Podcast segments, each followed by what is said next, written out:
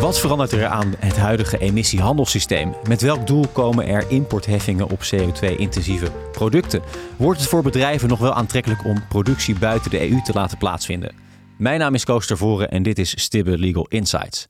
Het Europese emissiehandelssysteem, het Emissions Trade System, ETS, is een belangrijk middel om emissies binnen de Europese Unie terug te brengen. Op dit moment krijgen bedrijven binnen de Unie emissierechten nog kosteloos verleend, maar deze gratis rechten worden stapsgewijs afgebouwd. Daarnaast geldt per 1 oktober 2023 het Carbon Border Adjustment Mechanism, afgekort CBAM. En met CBAM komt er een heffing op het importeren van staal, ijzer, aluminium, cement en andere CO2-intensieve producten naar de EU. Deze aflevering gaat over de impact van eh, deze wijzigingen voor bedrijven binnen en buiten de EU. En ik ga erover praten met de advocaat van Stibbe, Sandra Putting en Jan Reinier van Angeren. Welkom allebei. Dankjewel. Dankjewel. Ja, allereerst even, er wordt uh, nogal wat geschreven over fossiele subsidies uh, in deze tijd. Vooral het afschaffen ervan. Uh, er zijn natuurlijk verkiezingen die eraan komen. Er worden programma's geschreven. En ja, in het huidige ETS-systeem worden er gratis emissierechten verleend aan bedrijven. Zou je dat ook een fossiele subsidie kunnen noemen? Nou, goede vraag. Uh, kijk, als je kijkt naar het subsidiebegrip uit de Algemene Wet Bestuursrecht, ja, dan zou het er eigenlijk niet onder vallen. Want dat is gewoon als de overheid geld geeft om uh, te stimuleren. Bijvoorbeeld er wordt geld voor de lokale muziekvereniging of muziekschool. Ja, dat is een, is een uh, subsidie. In zoverre zou je het Europese emissiehandelssysteem eigenlijk niet kunnen zien als een vorm van subsidieverlening. Want het is bedoeld als een mechanisme uh, om daar waar het economisch het voordeligst is, uh, het meeste milieuwinst uh, te behalen. En daar is een prijs van een CO2-recht aan gekoppeld. Dus je zou het, het begrip fossiele subsidie, is onduidelijk wat het precies inhoudt, maar ik zou een emissierecht niet snel als een fossiele subsidie zien. Maar het is natuurlijk wel um, het hele systeem misschien niet. Maar we weten dat als, dat onder, als onderdeel van het ETS-systeem zijn er ook bepaalde subsidies uh, binnen Nederland. Uh, die, zijn ook, die, die mogen ook gewoon hè, op basis van de EU, van, van de EU-wetgeving. Waarbij bijvoorbeeld de indirecte kosten van, de emissie, van het emissiesysteem. Dus als, als daardoor bepaalde productie heel hoog is, omdat elektriciteitskosten heel hoog worden. heb je daar bepaalde subsidieregelingen voor, ja. die, waardoor je eigenlijk die kosten weer terugkrijgt. Dus je ziet dat er best wel wat ja, toch geldstromen gemoeid zijn met het ETS-systeem, wat je wel echt als een subsidie zou kunnen uh, aanmerken. Wat ook echt een subsidie dat, is. Dat, dat is een Nederlands uh, subsidiesysteem.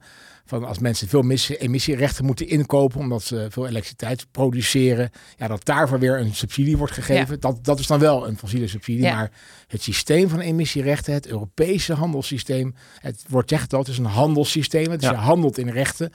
Uh, dat kan je eigenlijk toch moeilijk zien als een fossiele subsidie. Integendeel, het is juist een subsidie om ervoor te zorgen uh, dat je juist zo fossielvrij mogelijk produceert. Want hoe beter je, uh, hoe minder je uitstoot, hè, dus hoe beter je je gedraagt op het gebied van het milieu, hoe meer emissierechten je zou overhouden. Dus dan is eigenlijk, ja, het zou eigenlijk niet een fossiele subsidie zijn, maar meer eigenlijk een milieusubsidie als je het vanuit die kant ja. zou ja. ja, het werkt het ene tegen, maar het bevordert natuurlijk het andere. Ja. ja. Maar als je natuurlijk 100% van je emissierechten nog gratis krijgt, dat is waar, ja. dan zou ik toch zeggen, dan laten we het even zo, laten we het even vanuit de linkse hoek bekijken. Ja.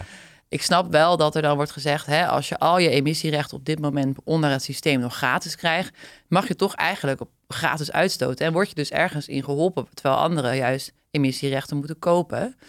Uh, maar ik denk dat de tweede natuurlijk wel weer is, er wordt heel veel geroepen uh, het, hè, we moeten fossiele subsidies afschaffen. En dan wordt continu ETS ook als een van die fossiele subsidies genoemd. En ik denk even los van de discussie, is het wel of niet een fossiele subsidie? Mm -hmm. Het idee om het af te schaffen, zeg maar, in ieder geval voor ETS, is dat natuurlijk juist een heel slecht idee. Want wat Jan Renier al zei, het is juist bedoeld om eigenlijk emissies te verminderen. Hè, om te zorgen dat bedrijven gaan verduurzamen en minder uitstoot hebben. En dat uh, gratis rechten systeem, dat valt eronder. Dat zullen we zo wat meer uitleggen. Uh, maar je wil natuurlijk niet het hele ETS-systeem afschaffen. Af, af, nee. nee. Wordt ook wel een hoeksteen van het Europese klimaatbeleid genoemd, ja, dat hele precies. ETS. Ja, dus, nou, dan moet je misschien even uitleggen. Hoe ziet dat systeem er precies uit? Nou, toen het ooit begon in, in 2003... Uh, eigenlijk als uitvoersel van het Kyoto-protocol, want daar werd voor het eerst een handelsmechanisme mogelijk gemaakt. het was eigenlijk vrij simpel. Nou, hoeveel rechten stoten je in het verleden, hoeveel CO2 stoten je in het verleden uit? Nou, en daar kreeg je ook rechten gratis toebedeeld voor. Het heet, werd een grandfathering genoemd. Dus op basis van, van je uitstoot in het verleden kreeg je rechten voor de toekomst. En er werd een plafond in de markt uh, gezet. Zoveel mag de, mag de hele sector uh, uitstoten. En dat plafond gaat elk jaar een stukje naar, naar beneden. Om ervoor te zorgen dat, er, dat emissierechten eigenlijk steeds duurder worden. En als bedrijf kon je dan voor de afweging te staan van... goh, ik kan nu een hele milieuvriendelijke techniek toepassen. dan stoot ik veel minder CO2 hmm. uit. Dus dan hou ik heel veel rechten over. Die kan ik verkopen. Of je zegt, nou ja, ik blijf lekker doorstoken fossiel. Dan moet ik weliswaar veel rechten betalen. maar dan hoef ik niet te investeren in, verduur, in duurzame uh, verduurzaming van de productie. Maar goed, bedrijven groeien ook en willen als goed elk jaar misschien ook meer uitstoten. Precies, dus, daar, dus daardoor, daardoor op een gegeven moment is het voor bedrijven, was eigenlijk onder de, onder de streep, nou ja, het is eigenlijk voor ons veel voordeliger om gewoon te verduurzamen. Want A, kunnen we dan nog dan goed blijven verder uh, produceren. En twee, ja, dan houden we ook nog heel wat geld over. Want dan kunnen we die emissierechten die we niet meer nodig hebben, kunnen we dan uh, verkopen. Uh, en het was ook het idee dat die prijs van de emissierechten uh, heel erg zou, zou stijgen. Maar eigenlijk is dat eigenlijk, uh, heeft lang geduurd voordat we echt een, een flinke prijs krijgen. Nu is hij vrij, vrij hoog. Ik mhm. dacht iets van rond de 80 euro is, is het nu ja, in, in 2000. ja, dus dat, dat, is vrij hoog. Maar in de begintijd, in 2005, 2008, toen er echt voor het eerst werd gehandeld, ja, toen was die prijs vrij hoog. Want iedereen kreeg die gratis rechten. Dus ja, het was de prijs vrij laag Dus iedereen kreeg die, die, die, die gratis die gratis rechten. En nou, toen vanuit de periode 2008-2012, ja, zaten we midden in een economische uh, crisis.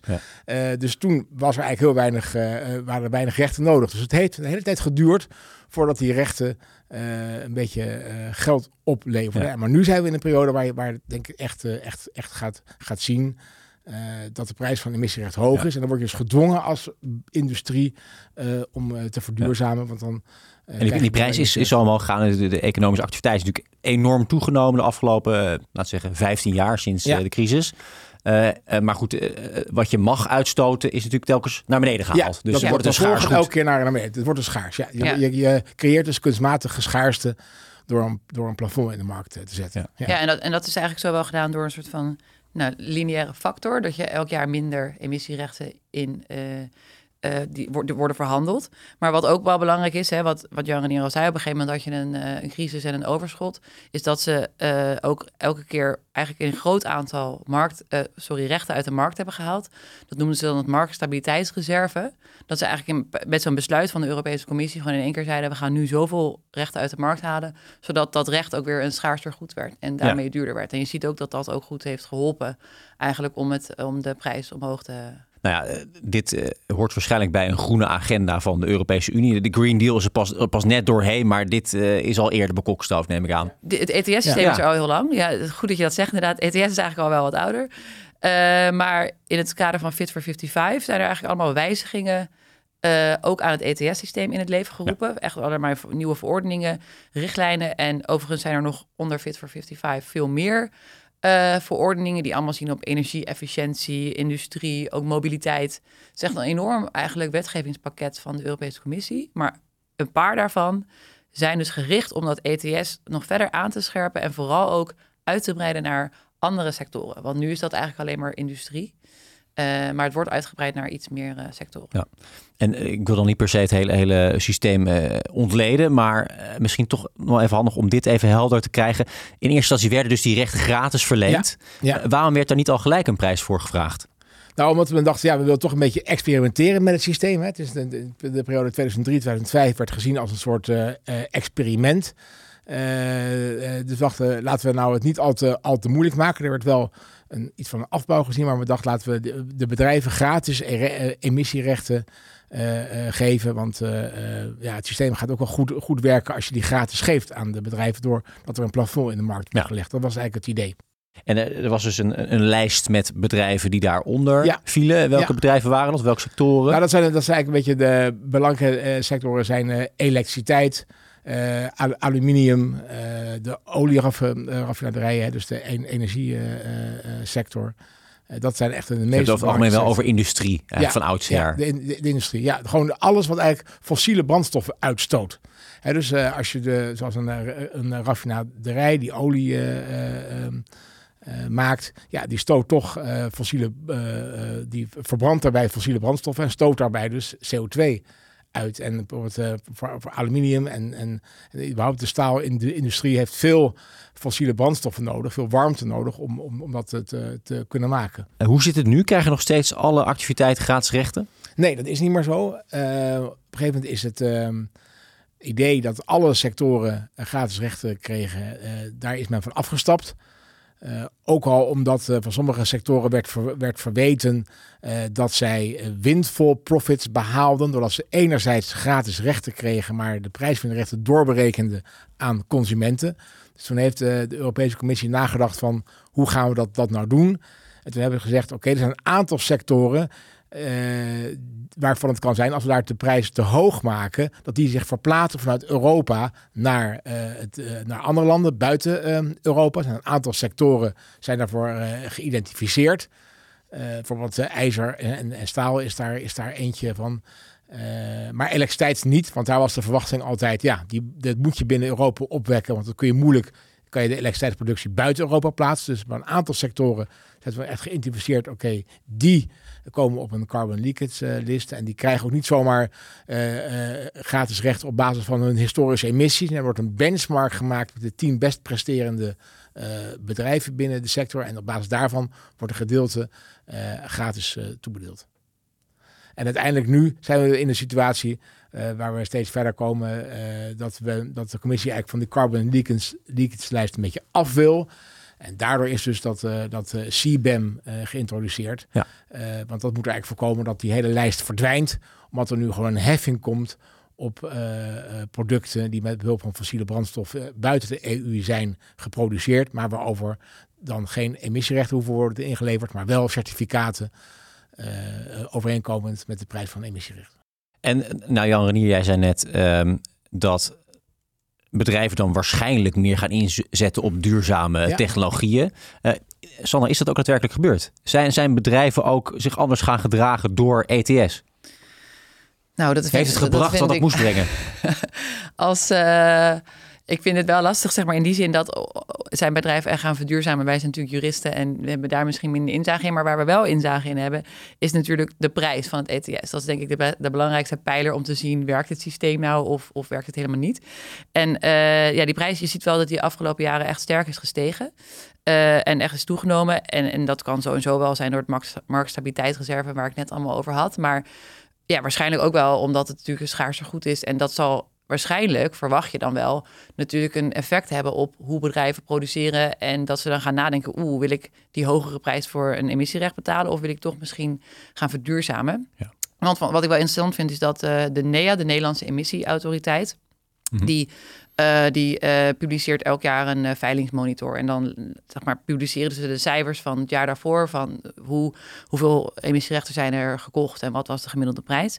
En wat is wel interessant, want ik heb hier cijfers ook bij me, want die weet ik niet helemaal uit mijn hoofd. Maar nou, vorig jaar was de prijs voor een emissierecht in 2022 dus was rond de 80 euro. Ja. En dat is echt best wel hoog. Op het hoogste punt was het bijna 100 euro. Uh, terwijl, nou ja, we hebben het echt over veel jaren daarvoor was het wat meer rond de 50 euro, zeg maar. Dus dat is wel echt een flinke stijging. En wat ook wel interessant was, is dat ze um, in 2022 zijn 14 miljoen rechten geveld.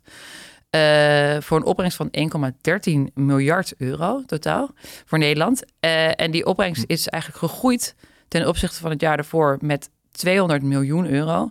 Terwijl, dat is interessant, er zijn in totaal minder emissierechten verkocht. Dus dat de, het aantal wat minder is verkocht is 2,8 miljoen. Nou, nu denkt iedereen, iemand die deze podcast luistert, dit zijn heel veel cijfers. Maar wat wil je nu precies zeggen? de prijs is omhoog gaan. Ja, precies. Het is gewoon interessant om te zien dat er eigenlijk minder rechten zijn verkocht. Terwijl er, de rechten die wel zijn verkocht, hebben meer opgebracht. Dus ja, dat kan niet anders dan dat, het, dat, dat de emissierechten gewoon uh, veel duurder zijn. En dat dat op zich een goede... Maar is, is, is de prijs sneller gestegen dan dat zeg maar, het plafond is afgenomen? Zou dat kunnen stellen? Want je had het over een lineaire afname toch van uitstoot. Maar dit, dit klinkt als een exponentiële prijsstijging. Ja, maar of dat, ik vind, ik durf heel, ik durf significante en exponentiële effecten als jurist. We zijn natuurlijk geen uh, economen, maar het idee was natuurlijk wel van, ja, je maakt de rechten steeds schaarser, waardoor ze dus steeds duurder worden. Ja, en het is ook een beetje de markt natuurlijk, het is een beetje wat de gekken voor geeft. Nou, niet helemaal wat, wat de gekken voor geeft, want het is een beetje afgestemd op uh, de uitstoot die, uh, die, die je hebt. Ja, maar ik kan me voorstellen, als, als op een gegeven moment een schaars middel is, en dan, dan ontstaat er misschien ook een biedingsstrijd of werkt het zo niet? Zeker, nee, ja. zo kan het wel werken. Zeker, daar, zijn die veilingen ook voor. Ja. Die, die, leiden tot wel tot, uh, tot hoge prijzen. Ja. Maar goed, dat ETS-systeem eh, gaat dus veranderen. Wat gaat er allemaal wijzigen? Ja, ja zoals ik al zei, gaan, uh, het gaat vooral, het wordt aangescherpt eigenlijk en uitgebreid. Dus uh, er wordt een uitbreiding naar het ETS-systeem voor de scheepvaart. Ja. Er wordt de scheepvaart onder het huidige ETS-systeem gebracht. Uh, dat was overigens al gaande, want die, uh, in de, binnen de scheepvaart moesten scheepvaartmaatschappijen eigenlijk al een tijdje de emissies monitoren.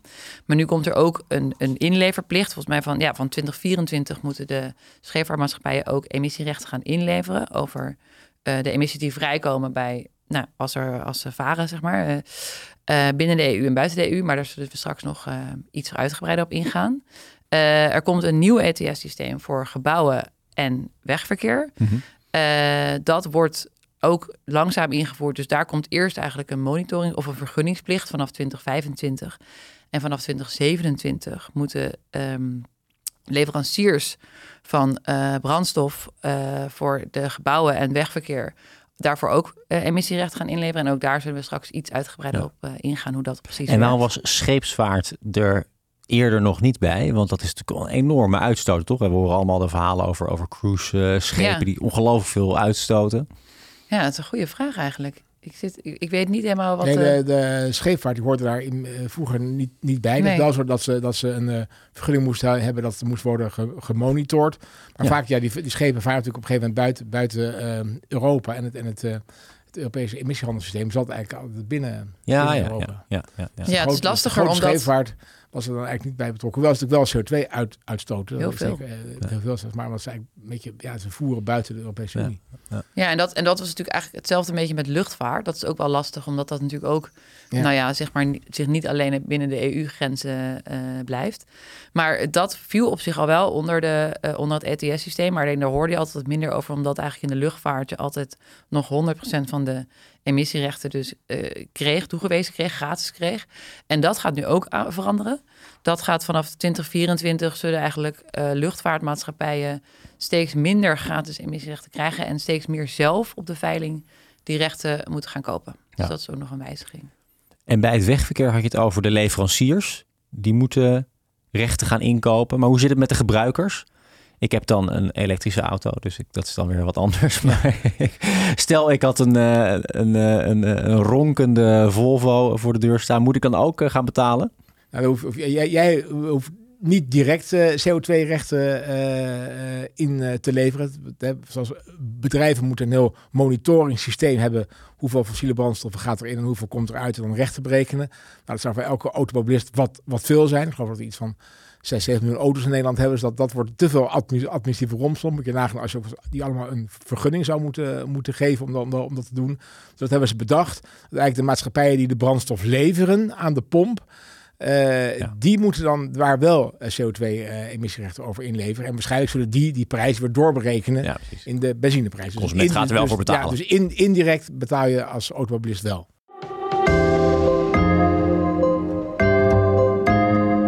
Ja, laten we eventjes eh, het wat concreter maken, uh, Sandra. Uh, met, met sectoren en bedrijven, zodat we een beetje een beeld kunnen vormen. Ja, ja nou dat is misschien wel een mooi haakje op wat Jan Renier net zei over... nou, moet nou straks de automobilist ook ineens allemaal rechten inleveren? Nee, dat zijn dus de leveranciers van de brandstof.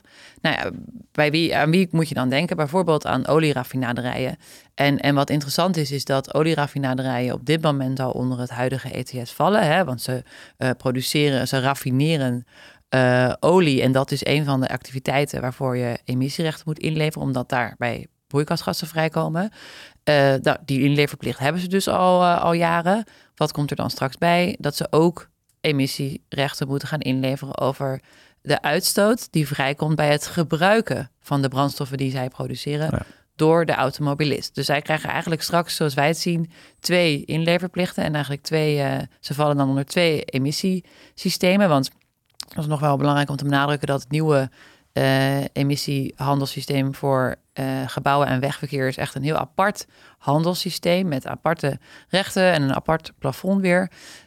De Nederlandse wetgever noemt dat ETS 2. Dat vinden wij eigenlijk een beetje onhandig, want uh, emissiehandelssysteem, zoals Jan hier ook al zei, werkt eigenlijk in fase. En we zitten nu in de vierde handelsfase met dat huidige systeem. Uh, dus om dan een nieuw emissiesysteem ETS 2 te gaan noemen, vind ik niet heel handig. Dus wij zeggen ook liever gewoon gebouwen en wegverkeer. Uh, maar ja, je ziet dus dat straks olieraffinaderijen onder beide systemen vallen. En je zult dus ook echt zien dat, dat, dat, dat, dat omdat zij zoveel rechten moeten inleveren, dat ze dus ook dat gaan doorvoeren in de, in de prijzen. Um, en wat een ander concreet voorbeeld, hè, het voor de scheepvaartmaatschappijen, daar hadden we het net ook al over. Nou, die vallen dus weer straks onder dat huidige emissiehandelssysteem, wat ze nu nog niet doen. Uh, en daarvoor zie je, uh, nou, voor, wat voor wat voor scheepvaartmaatschappij is dit nou bedoeld? Dat is met name uh, vrachtschepen en, of nou, ik zeg met name maar vrachtschepen en passagiersschepen vanaf 5000 bruto tonnage. Dus dan hebben we het wel echt over de grote schepen. Grote schepen en niet als jij in, je, in je kleine schuitje door de, door de Noordzee dobbert. maar dan hebben wij het echt over wat grotere schepen.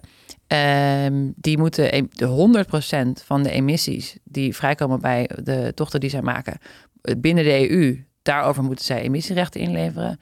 En als je nou het hebt over uh, tochten buiten de EU of naar havens, uh, of laten we zeggen van havens in de EU naar buiten de EU, of andersom, buiten de EU naar binnen de Mhm. EU, daarvan moeten ze 50% van de emissies, uh, voor 50% van de emissies, emissierechten inleveren. Omdat een deel zich binnen de EU afspeelt en een deel erbuiten. Ja, eigenlijk wel ja. En je dus niet uh, het stukje, hè, als je daar ergens rond Australië vaart, je misschien als EU-wetgever hebt bedacht, ja, dan kunnen we niet dat ook onder ons systeem Nee. brengen. Ja. Maar ja, voor zover je natuurlijk met jouw vrachtschip vanuit uh, een Afrikaanse stad naar de EU vaart, ja, als je dat allemaal niet onder het systeem zou brengen, ben je eigenlijk weer het hele systeem natuurlijk onder, aan het ondermijnen. Um, vandaar ook dat je, je vraagt je misschien nu al af van hoe ga je dit hoe ga je dit allemaal controleren? Maar uh, het idee is dus dat je uh, dat scheepvaartmaatschappijen zijn geregistreerd in de EU. En Mm. dan in het land waar ze zijn geregistreerd, moeten ze ook eigenlijk die, aan die inleververplicht voldoen. Um, ben je nou niet in een EU-land geregistreerd, dan wordt er gekeken naar waar de haven waar jij het vaakst bent aangemeerd, het meest bent aangemeerd in de afgelopen vier monitoringsjaren. Okay. Zoals we eerder al zeiden, deze scheepvaartmaatschappijen zijn al best wel wat tijdje bezig met het monitoren van de emissies.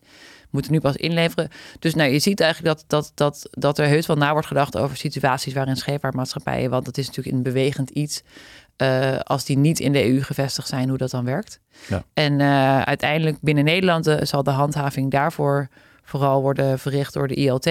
Wat het nu ook al eigenlijk doet. Dat, die controleert nu ook al scheepvaartmaatschappijen op het naleven van wetgeving. En um, als er echt handhaving moet plaatsvinden, dus hè, boetes omdat bijvoorbeeld niet aan bepaalde verplichtingen wordt voldaan, dan zal ook de Nederlandse emissieautoriteit, nu al de autoriteit voor het huidige emissiesysteem, uh, zal daar ook uh, op gaan handhaven. Ja. Ik kan me ook voorstellen dat heel veel bedrijven denken, nou deze uh, uh, aanscherping en verbreding van dit systeem is voor mij misschien reden om ergens anders uh, mijn fabriek op te gaan bouwen. Ja, is dat zo? Nou, dat, dat zeker. Dat heet in het uh, jargon carbon leakage. Uh, koolstofweglekrisico in, in goed uh, Nederland. Ja. Dat wil zeggen dat bedrijven zeggen, nou, het wordt mij hier te duur om uh, fossiele brandstoffen uit te stoten. Ik ga naar andere landen. Azië wordt daar in, vaak genoemd, omdat daar nog geen emissierechten handelssysteem is. bijvoorbeeld de VS heeft een eigen, eigen systeem. Sommige staten hebben ook een eigen handelssysteem. Uh, maar het, het, het, risico bestaat zeker hè, dat als de prijs van uitstoot in Europa te hoog wordt, dat de energie, dat, dat de sectoren zich gaan verplaatsen naar andere, andere want landen. elders dat, is, ja. zijn ze minder streng, ja, kan ik me voorstellen. Wat, precies, want elders is er geen prijs op de, op de uitstoot van, uh, van CO2. Hè. Dan hoef je geen emissierechten in te leveren. Als je nu in China een fabriek neerzet, hoef je daar geen uh, emissierechten voor, te, voor in uh, te leveren. En dat heeft de Europese Commissie ook onderkend. Die heeft ook een hele lijst gemaakt met sectoren uh, die onder de carbon leakage uh, vallen. Dus die krijgen voor een deel nog gratis emissierechten. En die lijst, het idee is om die lijst iedere keer af, af ja, te bakenen. Ja. Geleidelijk af te bouwen. Ja. ja, ja. ja nou, hier is dus, wat al eerder even over in de, in de introductie, CBAM voor in het leven geroepen. Um, Wat is precies het idee erachter, Sandra? Ja, ja dat, dat sluit inderdaad mooi aan wat, wat, bij wat Jan hier net zei. Je hebt nu dat, dat, uh, dat koolstofweglekrisico, het carbon leakage. En daar is dan zo'n lijst voor uh, bedacht van, die, van de activiteiten... of eigenlijk vooral uh, producten die, de, die daaronder vallen. En daar krijg je gratis rechten voor. Om te zorgen dat ze niet eigenlijk naar... dat, dat die activiteiten niet buiten de EU worden verplaatst. En nu heeft de Europese wetgever bedacht... nou, dat is toch ook een klein beetje een lichtelijke ondermijning van het systeem. Want dan blijf je elke keer die gratis rechten weggeven. Dus we gaan eigenlijk een nieuwe, nieuw mechanisme bedenken om te zorgen dat je niet meer dat koolstofweglekrisico hebt. Of dat je dat eigenlijk vermindert. En dat is een uh, soort van, ja, je noemt het eigenlijk koolstofheffing aan de grens. Dus het idee is dat je um, als je buiten de EU bepaalde, bepaalde producten produceert, waarbij heel veel emissies vrijkomen, en je brengt die, importeert die naar binnen de EU, dat je daar eigenlijk een, een koolstofprijs voor betaalt, een soort van CO2-prijs. Zodat het helemaal niet zo heel aantrekkelijk meer wordt om bepaalde producten buiten de EU te laten produceren. Want je moet uiteindelijk net zoveel betalen als wanneer die producten binnen de EU worden geproduceerd en je wel die emissieprijs daarvoor betaalt. Ja. Dus dat is eigenlijk het, het, het CBAM en dat is vooral dus bedoeld om om een gelijk speelveld te creëren. Voor dat, dat, maar maakt niet uit waar in de wereld iets wordt geproduceerd. Er zit dezelfde prijs op. om die lekkage te voorkomen is er dus een uh, importheffing. En dan maakt ook niet uit of, of het je eigen fabriek is of uh, de fabriek van iemand, iemand anders. Nee. Die heffing geldt altijd. Ja, precies. En hoe hoog is de heffing dan? Uh, nou ja, de prijs die, die wordt eigenlijk afgestemd op de ETS-prijs. wat natuurlijk ook logisch is, hè, want je wil vooral zorgen dat, het, dat de prijs eigenlijk gelijk is. Dus je ziet dat als je nu uh, zo'n, of, of als je straks zo'n product zou importeren, dan uh, moet je daar een zogeheten CBAM-certificaat eigenlijk verkopen. Uh, dat CBAM-certificaat staat dan weer gelijk aan 1 ton CO2-uitstoot. En daar zit een bepaalde prijs op. En het, de prijs is eigenlijk het verschil tussen dat product in het buitenland en hoe duur dat product in, binnen de EU zou zijn. Dat verschil is die emissieprijs. Nou ja. Die betaal je dan voor die certificaten.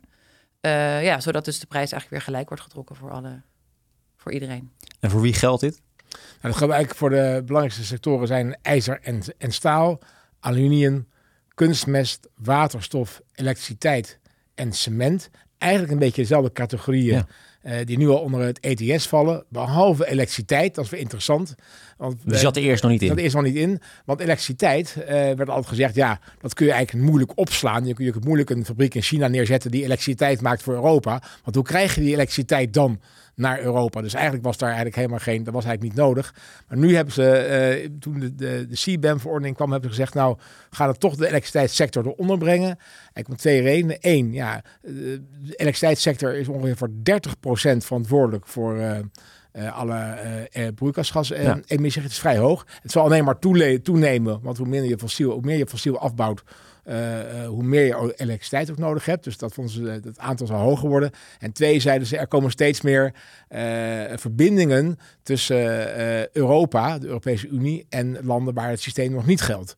Uh, je zou bijvoorbeeld kunnen denken aan Noorwegen. Dus een Noordnetkabel is er. Noorwegen maakt geen onderdeel uit van de, van de EU. Ja, het zou dus heel aantrekkelijk worden als je, als je daar geen, geen CBAM hebt... om dan plotseling de, de capaciteit te gaan verhogen. Ja, Verenigd Koninkrijk. Verenigd, Verenigd Koninkrijk, ook zo'n mooi voorbeeld in het kader van de brexit. Er is ook een, uh, een elektriciteitskabel tussen uh, het Verenigd Koninkrijk en en uh, um, Nederland. Dus dat, ook dat is een verschil. En uh, uh, ook het Verenigd Koninkrijk is ook bezig om een kabel te leggen vanaf Marokko naar het Verenigd Koninkrijk. Om daar dus alle, alle opgewekt wordt in de, in de, Sahara, in de, in de Sahara via de kabel naar het Verenigd Koninkrijk te brengen. Dus enorme afstand. Dus er is ook wel heel wat elektriciteitsverlies natuurlijk dan. Vast, ja. maar dat geeft aan dat, dat, dat de Europese Commissie misschien dacht, het parlement, nou ja, moet een beetje oppas, laten we zekerheidshalve de elektriciteitssector ook maar onder, ja. onder het systeem. Mocht dat zich zo ontwikkelen dat het overal maar ja. vandaan gehaald kan worden, dan hebben we in ieder geval de regels opgesteld. Precies, en dan kan het ook heel rendabel zijn om, het, om een, een kabeltje te leggen van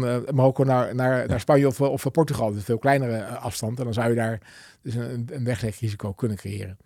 Ik denk dat het in de praktijk wel meevalt, want de meeste kabels die zijn, moeten ook een bepaalde capaciteit hebben. Dus je kunt niet zomaar zeggen, uh, nou, ik ga alle elektriciteit die Europa nodig heeft eh, buiten Europa opwekken. Want dat is gewoon een enorme capaciteit zou dat zijn. Dat kan het, het, een enkel kabel dus niet uh, zomaar aan.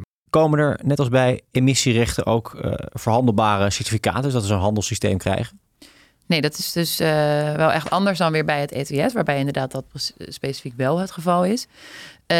je ziet ook dat de EU-wetgever dat echt benadrukt van dit is een systeem waarbij juist geen handelssysteem mogelijk wordt gemaakt. Want eigenlijk zou je daarmee een beetje het systeem ondermijnen. Hè? Als, ik bedoel, je wil juist dat er een prijs op die uh, koolstofproductie of die emissies, eigenlijk moet ik zeggen, uh, wordt geplakt. En als je dan bijvoorbeeld allemaal CBAM-certificaten zou kunnen inkopen en, en drie jaar later zou kunnen inzetten of bij een handelaar zou kunnen kopen voor een andere prijs, ja, dan klopt eigenlijk meer het systeem niet meer. Dat er een bepaalde prijs staat op het importeren van die goederen, als je dat uiteindelijk toch ineens heel goedkoop kan doen.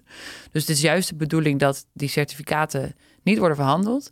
Uh, en je ziet ook dat er een bepaalde houdbaarheidsdatum op die certificaten zit. Dat je ze niet zeg maar in één jaar uh, honderden certificaten kan inkopen en vijf jaar later kan inzetten.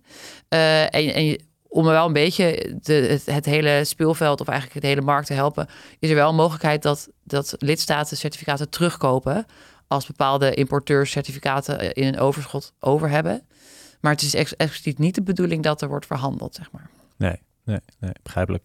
Hey, eh, gaan wij hier als consument ook wat eh, van merken? Um, als je bijvoorbeeld een speelgoedautootje koopt en dat komt uit Azië, er zit misschien wat aluminium in. Ja, dan moet eh, de, de groothandels hier wat extra centen voor betalen. Dat gaan we misschien ook in de prijs terugzien. Ja, dat zou zeker kunnen, ja. Ja, ik denk dat, uh, dat uh, aluminium is bijvoorbeeld een, een basisstof waar, waar, je, ja, waar die heffing over moet worden betaald. Dus ik denk dat als het, als het dat, dat, daar zal dat in zitten, daar zal een gedeelte misschien van het aluminium ook in verwerkt zijn.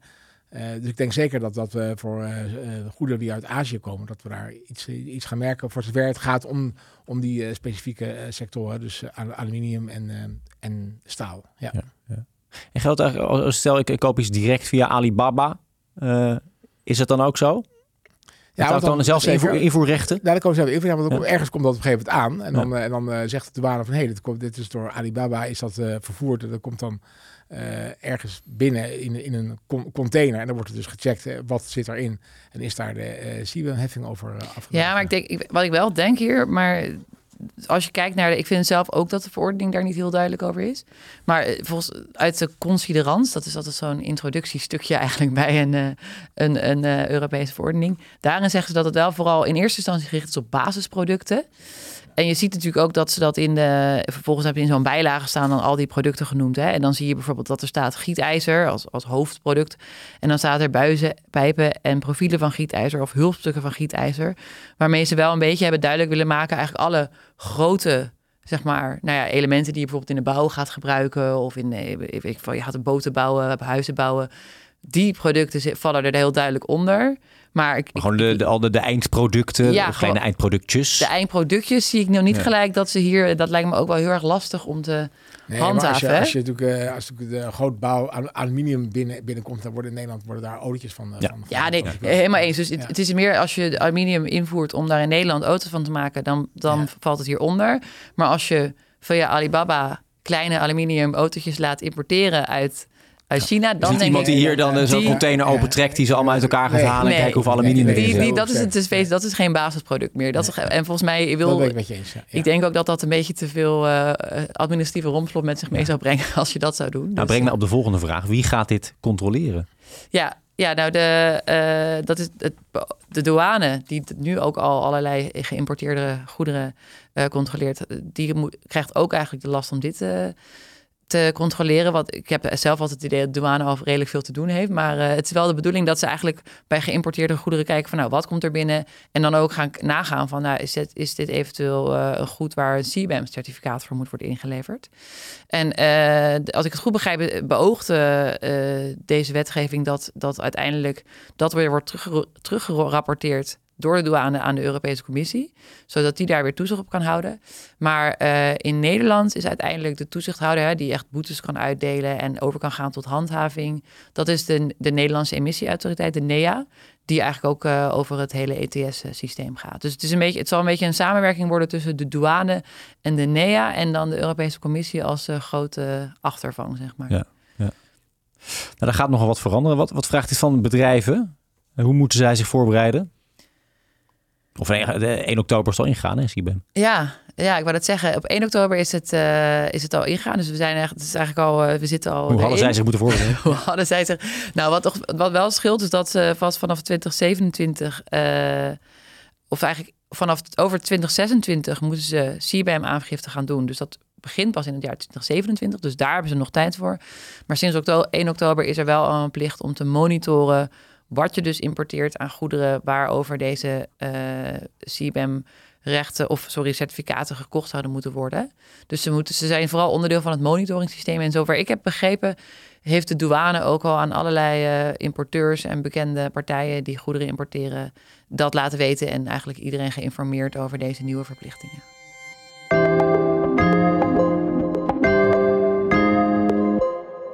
Denken u nou dat, dat bedrijven hierdoor extra gaan verduurzamen? Gaat dit wat geven? Nou, dat, dat, dat is wel de bedoeling. Hè. De EU-wetgever zegt ook, god, die CBAM is niet zozeer om nou uh, veel geld op te halen, maar is meer eigenlijk een aansporing om voor uh, industrieën buiten de EU om ook te gaan verduurzamen. dus dat is eigenlijk het, het, het lange termijn doel. is dat, dat de uitstoot van broeikasgasemissies over de hele wereld dus wordt verlaagd. Dat is eigenlijk het einddoel. Op de korte termijn zul je natuurlijk zien dat uh, de prijzen zullen stijgen van uh, goederen die buiten de EU worden uh, gemaakt.